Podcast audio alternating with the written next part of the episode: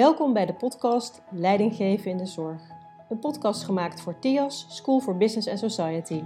Mijn naam is Sietske Rosie en vanuit mijn rol als medisch specialist, ik ben radioloog en als facultylid van TIAS, ga ik in deze podcast op zoek naar kennis over disciplineoverstijgende onderwerpen, die de huidige en toekomstige zorgprofessionals en leidinggevenden in de zorg kunnen toepassen in hun werk.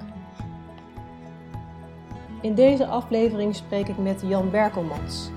Hij is sinds 2014 werkzaam bij de zorgverzekeraar OMVZ en sinds 2017 clustermanager zorg al daar.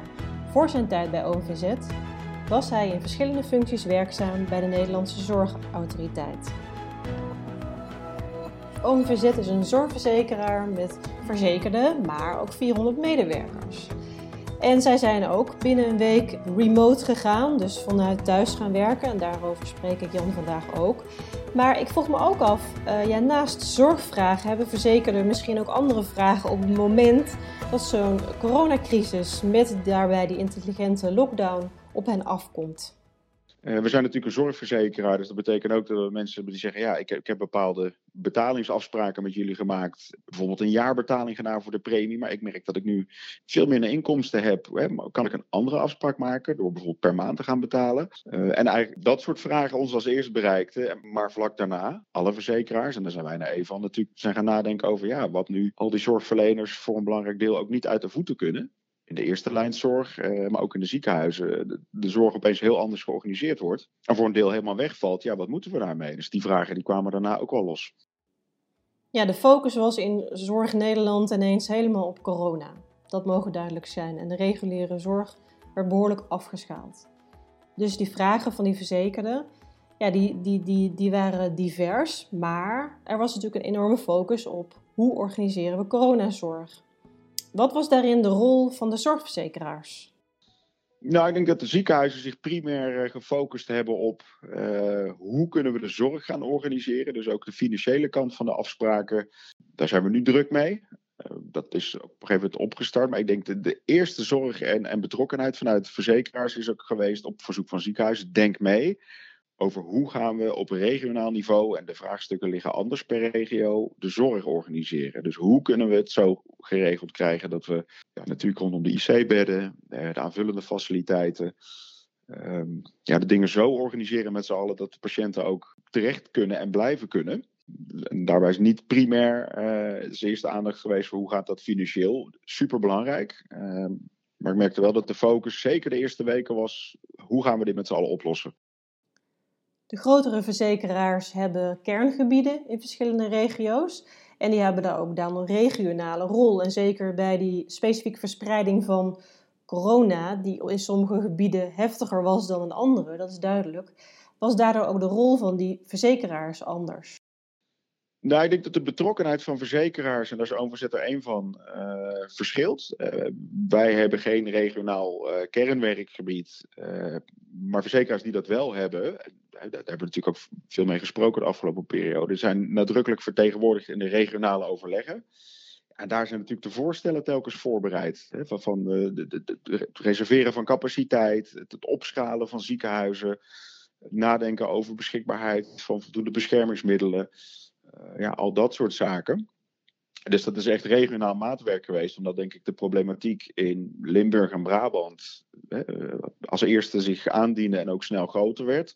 En in andere delen van het land zich dat op een, ja, pas op een later moment voordeed. Dus je zag regionaal de verzekeraars die in het zuiden van het land wat groter zijn, ja, die hebben een heel actieve rol gespeeld in het schakelen met ziekenhuizen en lokale netwerken, regionale netwerken, om te kijken waar gaan we nu de zorg kunnen regelen. Zeker in die gevallen waarin er gewoon opeens heel veel patiënten zich aandienen. We hebben de zorgverzekeraars in de media de afgelopen tijd niet actief veel gehoord. Maar ze hebben dus wel echt wel degelijk een grote rol gespeeld bij het organiseren van de coronazorg. Daarnaast was er natuurlijk ook een zorgvraag van bijvoorbeeld patiënten eh, met oncologische aandoeningen. Hoe werden die opgepakt door de zorgverzekeraars? Nou, ik denk dat we nadrukkelijk hebben geprobeerd telkens uh, de informatie die beschikbaar was uh, ook, ook te delen. Voor mensen is het soms, als je al heel ernstig ziek bent, heel lastig om ja, de tijd en de ruimte te vinden om je eens te verdiepen in wat is er dan wel mogelijk. dus waar, waar nodig en mogelijk hebben we ook contact opgenomen met de betreffende bijvoorbeeld ziekenhuizen of andere zorgverleners. Om te kijken, joh, is er op afstand iets denkbaar? Nou is dat bijvoorbeeld bij oncologische zorg, hè, daar waar het gaat om een behandeling, vaak niet mogelijk. Maar wat is er dan wel? Hè? Wat, wat kun je in de tussentijd doen om zo goed mogelijk conditie te behouden? Dus dat we over de volle breedte hebben meegedacht. En ook hebben gekeken naar waar oplossingsmogelijkheden liggen. Met helaas ook de constatering dat sommige dingen gewoon geen doorgang konden vinden. En dus waar we normaal met alternatief zorgaanbod wat kunnen. Ja, je, ziet op een gegeven moment uh, de afgelopen periode ook situaties waarin eh, bepaalde zorg gewoon niet meer geleverd wordt. Omdat dat in een ziekenhuissetting niet meer te doen was. Er moest dus veel georganiseerd worden voor de coronazorg. Patiënten moesten overgeplaatst kunnen worden naar Duitsland. Dus dat moest geregeld worden. Er waren ook coronahotels waar zorgverzekeraars uh, afspraken mee moesten maken. Er waren ook dingen gewoon echt dus niet mogelijk, zoals je net Jan al hoort vertellen. Maar ineens waren een aantal dingen wel mogelijk. Je kon een zorgverzekeraar vanuit uh, huis laten werken met 400 medewerkers. Maar er was ook ineens plaats voor beeldbellen. Hoe heeft OMVZ dat ervaren? dat er veel meer mogelijk bleek, zoals ik ook zelf al heb ervaren. De mogelijkheden waren er eigenlijk al wel, maar er was toch een soort ja, mentale of emotionele barrière aan de kant van de dokter of de kant van de patiënt om op afstand bepaalde dingen te bespreken. De feedback die ik nu krijg is, we hebben het opgestart en we hebben er echt even aan moeten wennen. Maar het heeft uiteindelijk eh, toch eh, als effect dat mensen zeggen, ja dat gaat ook eigenlijk wel. En misschien moeten we dit op onderdelen ook gewoon vast gaan houden. En dus het altijd elkaar moeten treffen in de behandelkamer. Ja, waarom is dat eigenlijk zo altijd zo vanzelfsprekend? Uh, als een fysiek contact voor, voor de medische handelingen niet nodig is, ja, dan kan je de patiënt ook een plezier doen door bijvoorbeeld bepaalde reisafstand of reistijd te besparen. Ja, mensen rijden een afstand naar het ziekenhuis. Dan uh, is er geen plek in de parkeergarage. Dan zitten ze vervolgens, of ze zijn te laat op een afspraak, of ze moeten nog drie kwartier in de wachtkamer zitten. En de mogelijkheid was er natuurlijk al. En er is de afgelopen acht tot tien jaar heel erg getrokken aan die zorg op afstand. En dat is, dat, het is ook gemotiveerd en het was ook technisch mogelijk. En nu kon het inderdaad niet anders tijdens de coronacrisis. En wisten zorgprofessionals niet eens dat er vergoedingen voor waren. Ook niet voor het eerste consult, dat je dat digitaal mocht doen van de NZA. En daar financiële vergoeding voor kreeg daadwerkelijk. Dus dat gedrag is heel moeilijk te beïnvloeden. Hadden we dan toch eerder wat financiële prikkels aan dit systeem moeten toevoegen om dat zorg op afstand uh, beter aan de gang te krijgen? Daar wordt natuurlijk al lang en veel over gesproken. Van wat zou je anders moeten doen om, om, om, mensen op ander gedrag te krijgen. Ik denk dat veel belemmeringen ook zitten in belemmerende overtuigingen. Dat werkt niet, of mijn ervaring zegt dat het, wat ik doe ook de, enige en de juiste manier is. Dat de, prikkel, uh, dat is denk ik iets waar we echt goed over na moeten denken. Die de hele COVID-19-crisis uh, met zich brengt, is ja, een aantal dingen werden onmogelijk, waardoor noodgedwongen andere oplossingen moesten worden gezocht. Het kon niet anders. En toen bleek het wel te kunnen. Dus de belemmerende overtuigingen zullen voor een deel toch verdampen. En zeggen, ja, ik dacht altijd dat het echt niet kon. En daar kun je allerlei prikkels en, en afspraken en, en financiële afspraken tegenover stellen. Ja, niets is zo krachtig als kennelijk een situatie die zich voordoet, waardoor dingen gewoon onmogelijk worden. Namelijk het voortzetten van wat je gewend was. En andere dingen mogelijk moeten worden. En daarin zie je denk ik dat er een enorme uh, stap voorwaarts gezet kan worden nu. Omdat bewezen is wat we dachten. Ik had zelf ook misschien op onderdelen niet gedacht dat dingen konden. Ja, als je ziet dat het wel kan, ja, dat is van daaruit weer verder. En dan heb je niet meer discussie nog te voeren van ik denk dat het niet kan, of ik heb de overtuiging dat het niet kan. Het aanpassen van prikkels, ja, dat is denk ik helpt. Maar als er hele zware belemmerende overtuigingen zijn, ja, dan blijf je toch vastzitten in mensen die zeggen: Ik wil eigenlijk niet. Of ik denk echt dat het niet kan. als je mij had gevraagd drie maanden geleden: Kunnen jullie uh, met het hele bedrijf thuis het werk doen. Met alle mensen die betrokken zijn bij alle processen vanuit huis. Had ik gezegd, dat, dat kan niet. Dat is onmogelijk. Ik kan de helft van de mensen misschien aanwijzen, maar de andere helft, dat gaat niet. Hè. De klantcontactcentrum, onmogelijk dat we dat allemaal thuis organiseren. Maar het is gewoon mogelijk gebleken. En dat is altijd een lastige discussie. Een techneut zou misschien hebben gezegd, ja Jan, jij denkt dat het niet kan. Maar dat is best mogelijk als je dat maar wil. Nou, daar hadden wij waarschijnlijk weken over kunnen debatteren. Maar één ding is zeker, opeens zijn dingen echt mogelijk gebleken die, die eh, voor heel veel mensen heel lang onmogelijk leken. Ja. Heeft altijd al veel aandacht voor de leefstijl, de vitaliteit, zowel fysiek als psychisch, van hun verzekerden. En ze hebben een onderzoek gedaan in de tweede helft van maart eh, naar de leefstijl van mensen tijdens de corona. En het bleek dat mensen meer gingen bewegen, en gezonder gingen eten en zelfs beter gingen slapen. Wel was er behoefte aan meer sociaal contact dan dat ze op dit moment zouden kunnen hebben. En was eenzaam dus iets wat wel op de loer lag. Ik vroeg aan Jan uh, ja, hoe zij dit onderzoek verder interpreteren. Nou, ik denk dat dat onderzoek duidelijk maakte dat misschien uh, tegen de verwachtingen mensen toch bewuster bezig zijn met het invulling geven uh, ja, aan de gezonde levensstijl. Misschien omdat er ook meer tijd is. misschien ook voor een deel onthaasting. En je hoeft niet meer zo heel veel, want heel veel sociale verplichtingen, sportactiviteiten vervallen. En uit dat onderzoek in ieder geval duidelijk werd ja, dat mensen opeens meer aandacht daarvoor hebben en ook meer waarde hechten aan hun gezondheid. Dus zeg ik, vind opeens het, een gezonde leefstijl, goed eten, op tijd slapen, lang genoeg slapen, vind ik belangrijker worden. En dan moet ik daar dan dus ook meer bewust mee bezig zijn. En dan weet je dus dat mensen bezig zijn met hun vitaliteit op dit moment, met hun leefstijl in zo'n periode. Uh, hoe ga je dan dat gesprek aan? Hoe nodig je mensen uit om hun vitaliteit te veranderen? Hoe krijg je dat gesprek op gang? Ja, er moet wel een positieve drive zijn. Hè? Wij gaan niet iemand ergens toe verplichten, uh, maar proberen mensen uit te nodigen om na te denken over uh, vitaliteit en leefstijl. En merken dat ook deze situatie ook voor heel veel mensen een moment van bezinning is. Je komt wat langer thuis te zitten, ook misschien meer tijd, ik noem maar wat, om wat, wat uitgebreider stil te staan bij, bij het lekker eten. Maar hoe doe je dat dan? En, en er liggen ook natuurlijk gevaren op de loer. Hè? Misschien beweeg je daardoor ook minder. Nou, alles wat daarbij past, ja, maakt dat we ook merken dat mensen daar ook wel vragen over hebben. Dus ook zeggen, hoe kan ik mijn vitaliteit toch nog een beetje in de gaten houden? Maar bijvoorbeeld ook heel ook minder ons bellen, want gewoon minder zorg geleverd. Uh, dus we hebben ook ruimte om daar eens een telefoontje te doen. Dus we hebben ook, ook uh, actief de mogelijkheid geboden om ons te benaderen. Op het moment dat je ik zit niet zo lekker in mijn vel, om gewoon contact met ons te hebben, met, met de zorgconsulenten die we hebben. En, en het gesprek te hebben over hoe gaat het met je en kunnen we nog iets voor je doen. En daar is ook echt wel gebruik van gemaakt. Ja, uh, positieve reacties. Voor mensen zeggen, heel fijn. Toch eens even de mogelijkheid om hart te luchten. Want dat, voor een aantal mensen zijn het toch ook hele lastige tijden. Jullie hebben je dus maximaal ingezet voor de verzekerden, voor zover dat mogelijk was met de beperkingen van deze crisis. Uh, daarnaast waren natuurlijk ook uh, ziekenhuizen die hulp voor jullie hadden, nodig hadden, financieel. Ehm, maar ja, ziekenhuizen moesten ook ineens samen gaan werken. En jullie hebben natuurlijk best veel overzicht over wat er in ziekenhuizen gaande is op basis van de gegevens die jullie hebben.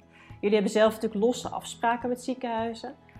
Per regio is het verschillend, maar over het algemeen uh, werken ziekenhuizen niet heel veel uh, samen. Dat, dat past ook niet helemaal in dit uh, marktwerkingsmodel zoals we dat kennen. hoe zag je dat vanuit de positie van de zorgverzekeraar, dat samenwerken tussen die ziekenhuizen? Daar waar je gewend bent om misschien op een aantal punten en dossiers samen te werken, maar niet heel intensief elkaar te zien. Het logisch is dat als je opeens toch ja, min of meer noodgedwongen elkaar veel vaker moet opzoeken en ook echt moet afstemmen, ja, dat dat gepaard gaat met een periode waarin je daaraan moet wennen. Samenwerking levert ook op onderdelen het opgeven van een stuk autonomie op. Je kunt wellicht niet alles meer in je eentje uh, bepalen. Dus ik denk dat dat in het begin even zoeken was, uh, maar dat dat heel snel in mijn uh, perceptie, wat, wat ik van mee heb gekregen, ja, werd losgelaten en plaats maakte van ja, alleen gaan we dit niet redden. Dus tussen zorgaanbieders onderling, maar ook tussen zorgaanbieders, verzekeraars en ZAVWS. Eigenlijk iedereen zei van ja, iedereen zal hier zijn eigen bijdrage aan moeten leveren.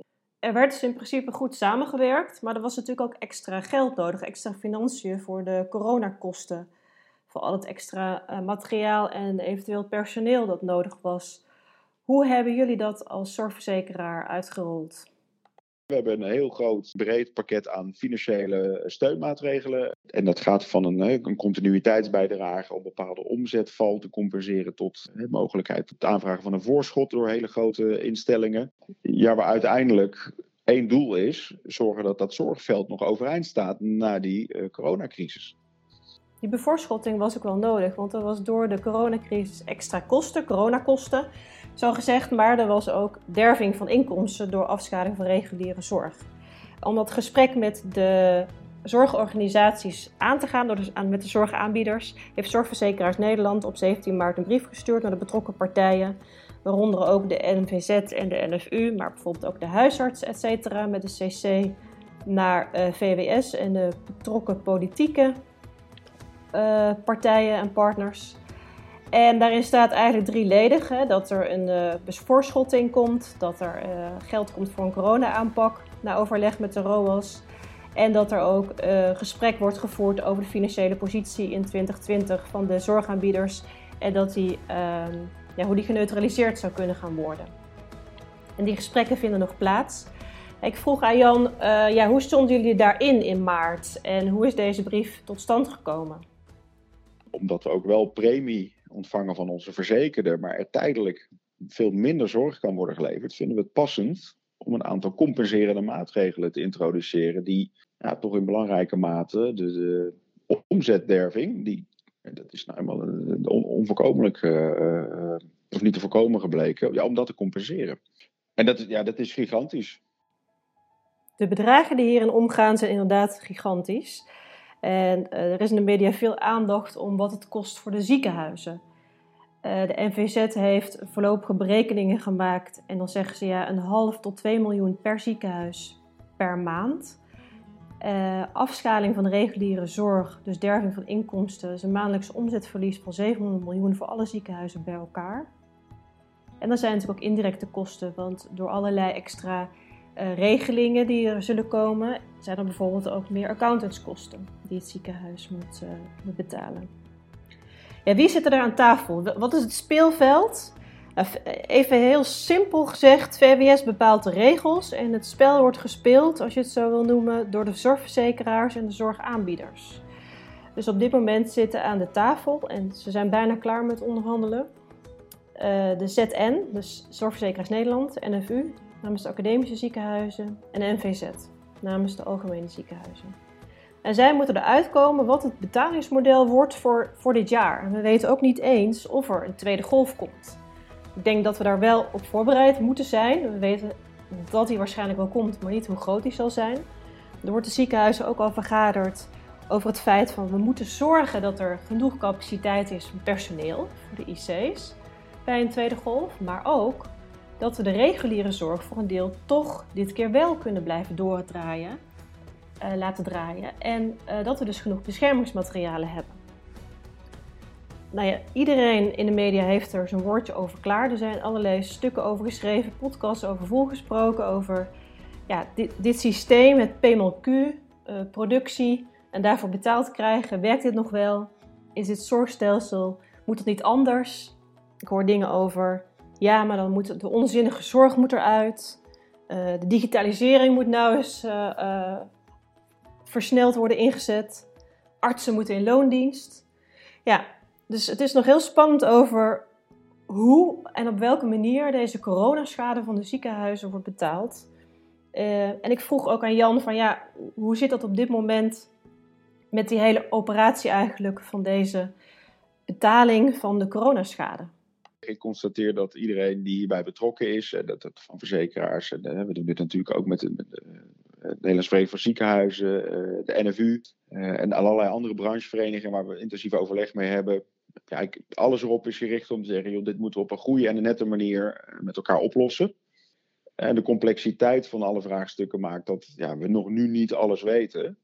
Maar één ding nou, nogmaals voorop staat, zorgen dat in ieder geval straks ja, welke situatie hebben waarin het ook nog mogelijk is om zorg eh, te krijgen. En, en niet uh, sprake is van een enorme kaalslag in het zorgveld, omdat mensen financieel het hoofd niet meer boven water konden houden. Op dit moment zijn de gesprekken in de laatste fase om die kaalslag te voorkomen. In ieder geval bij de ziekenhuizen. Want men vreest toch wel dat anders de rode cijfers zullen verschijnen bij die ziekenhuizen, bij vrijwel alle ziekenhuizen. Er zijn zelfs vragen gesteld in de Kamer. Kamervragen aan minister Van Rijn op 19 juni door de SP. Die zijn nog niet beantwoord. Maar aan de andere kant is het natuurlijk ook zo dat in april worden altijd de inkoopbeleiden gepubliceerd van de zorgverzekeraars. En uh, ja, ik vroeg dus aan Jan hoe dat proces dit jaar verloopt. April publiceren wij ons inkoopbeleid. Alle verzekeraars doen dat. Heeft OMVZ ook uh, keurig gedaan. En uh, we wel de opmerking hebben gemaakt en moeten maken van... Goh, we weten op dit moment nog niet welke impact de huidige situatie rondom corona heeft op onze inkoop en het beleid dat we voeren. Bedoel, als je iets in april publiceert, ja, je ziet de ontwikkelingen gaan zo snel, die slag om de arm was nodig. Normaal zou je zien, hè, zo na de zomervakantie gaat ook echt het inkoopseizoen starten. De gesprekken, de, de, de, ontmoetingen om te kijken van waar kunnen we elkaar vinden en welke afspraken passen uh, bij onze verhouding. Ja, daarvan de vraag is, uh, A, kan dat op, na die zomerperiode beginnen? Hebben we er dan al tijd, ruimte en aandacht voor over en weer? Dat is zorgaanbieders of verzekeraars. Wat voor afspraken kun je dan maken? Want financiële impact, dat raakte je net al aan, is zo groot. Dat we echt nog heel goed moeten kijken van nou, wat betekent de situatie waar we nu in zitten voor de zorginkoop voor 2021. op dit moment kunnen we dat gewoon nog niet goed zeggen. Maar dat er een impact zal zijn, ja, dat, dat staat voor iedereen wel vast. Hè. Het zal anders zijn dan anders. Het inkoopbeleid zal dus anders zijn dan jaren daarvoor. Daar zullen misschien ook dingen in worden meegenomen die we hebben geleerd van deze crisis. Welke innovatie is voor Jan toch iets waarvan hij zegt: ja, dat gaan we meenemen? Ja, ik denk dat ik dan toch uit eigen ervaring, maar ook zeker gekoppeld aan het zorgveld moet zeggen, het, het meer en, en, en, intensiever gebruiken van digitale mogelijkheden. Het primair denk ik ook het ontmoeten op afstand, maar ook het delen van informatie via digitale kanalen op een veilige manier. Daar is inmiddels ook zeker een goede programmatuur voor op de markt. De innovatiekracht daarvan zit hem toch met name in de, de hoeveelheid mensen die het gebruikt. Er kon al heel veel, maar het ook echt gaan gebruiken. De, de, mogelijkheden om dingen op afstand te doen, dat die echt onderschat zijn zichzelf nog maar niet, niet super innovatief, want dat kon kennelijk, het kon al. Maar dat er ook veel gebruik van wordt gemaakt, is echt nieuw. En dat zou wat mij betreft, waar het even kan en, en, waar dat ook over en weer uh, mogelijk is en, en verantwoord, om dat te blijven doen. Alles op zorggebied lijkt dit jaar dus anders te zijn. Er moet een andere betalingsmodel worden bedacht. Er zijn innovaties die voorheen niet mogelijk leken. Uh, er is ineens ja, nog extra veel aandacht voor gepast gebruik van zorg. Wordt het niet ook tijd om te kijken van ja, moeten we dit zorgstelsel niet anders inrichten? En zal eh, VWS daar aandacht voor hebben? Dat denken we natuurlijk voor wel. Maar hoe kijkt Jan daarnaar? Ik denk dat er best wel sprake kan zijn van een pre- en post-corona-tijdperk in de zorg. Zegt, ja, dit kon toen nooit. En hey, dus toen dat, die hele zware onvoorzien zware en, en, een heftige periode geweest. Maar opeens konden een aantal dingen daarna wel en werden dingen anders. En ik kan me zomaar voorstellen dat dat ook voor een ministerie heel belangrijk is om daar goed over na te denken. Van wat wil je daarover zeggen dan? Welke richting wil je daaraan meegeven? Het is tijdens zo'n crisis belangrijk dat je je flexibel opstelt en dat je genoeg kennis hebt over het virus, maar ook over hoe dingen georganiseerd worden. Maar ook dat je de context goed begrijpt. En daar had hij al nog een paar opmerkingen over dat bevestigt denk ik zo'n periode nu, dat je hoe belangrijk het is om ook je context goed te begrijpen. Van welke actoren zijn er, welke belangen hebben ze, welke verantwoordelijkheden hebben ze. Als je daar meer kennis en begrip van hebt, dat het ook makkelijker en logischer is om je weg te vinden in de periode, bijvoorbeeld waarin we nu zitten. Het is ja, jammer dat in sommige gevallen mensen op context soms op onderdelen missen. En die maken het werk denk ik ook veel mooier en rijker als je ook beter kunt inschatten en zien van hey, waarom gaan dingen op een bepaalde manier. Uh, en, er ook veel meer mogelijk is als je snapt uh, ja, hoe, hoe, dingen aan elkaar verbonden zijn. Dus die, die bredere context is super belangrijk. Voor ons allemaal, denk ik overigens. Dat het, het vermogen om te veranderen, en, en, ja, dat begint ook, denk ik, steeds belangrijker te worden. Niemand had deze crisis op deze manier voorzien. Dus één ding is belangrijk om te trainen: het vermogen om snel nieuwe informatie tot je te nemen en daar ook ja, gericht je acties op, op, op uit te zetten. Met dit laatste agile advies van Jan Berkelmans sluiten we deze podcastaflevering af van Leidinggeven in de Zorg, aflevering 4. Hartstikke bedankt voor het luisteren. Ik hoop dat ik jullie volgende keer weer mag verwelkomen. Mochten jullie vragen hebben, dan kunnen jullie die mailen naar held-podcast.tias.edu. Tot ziens!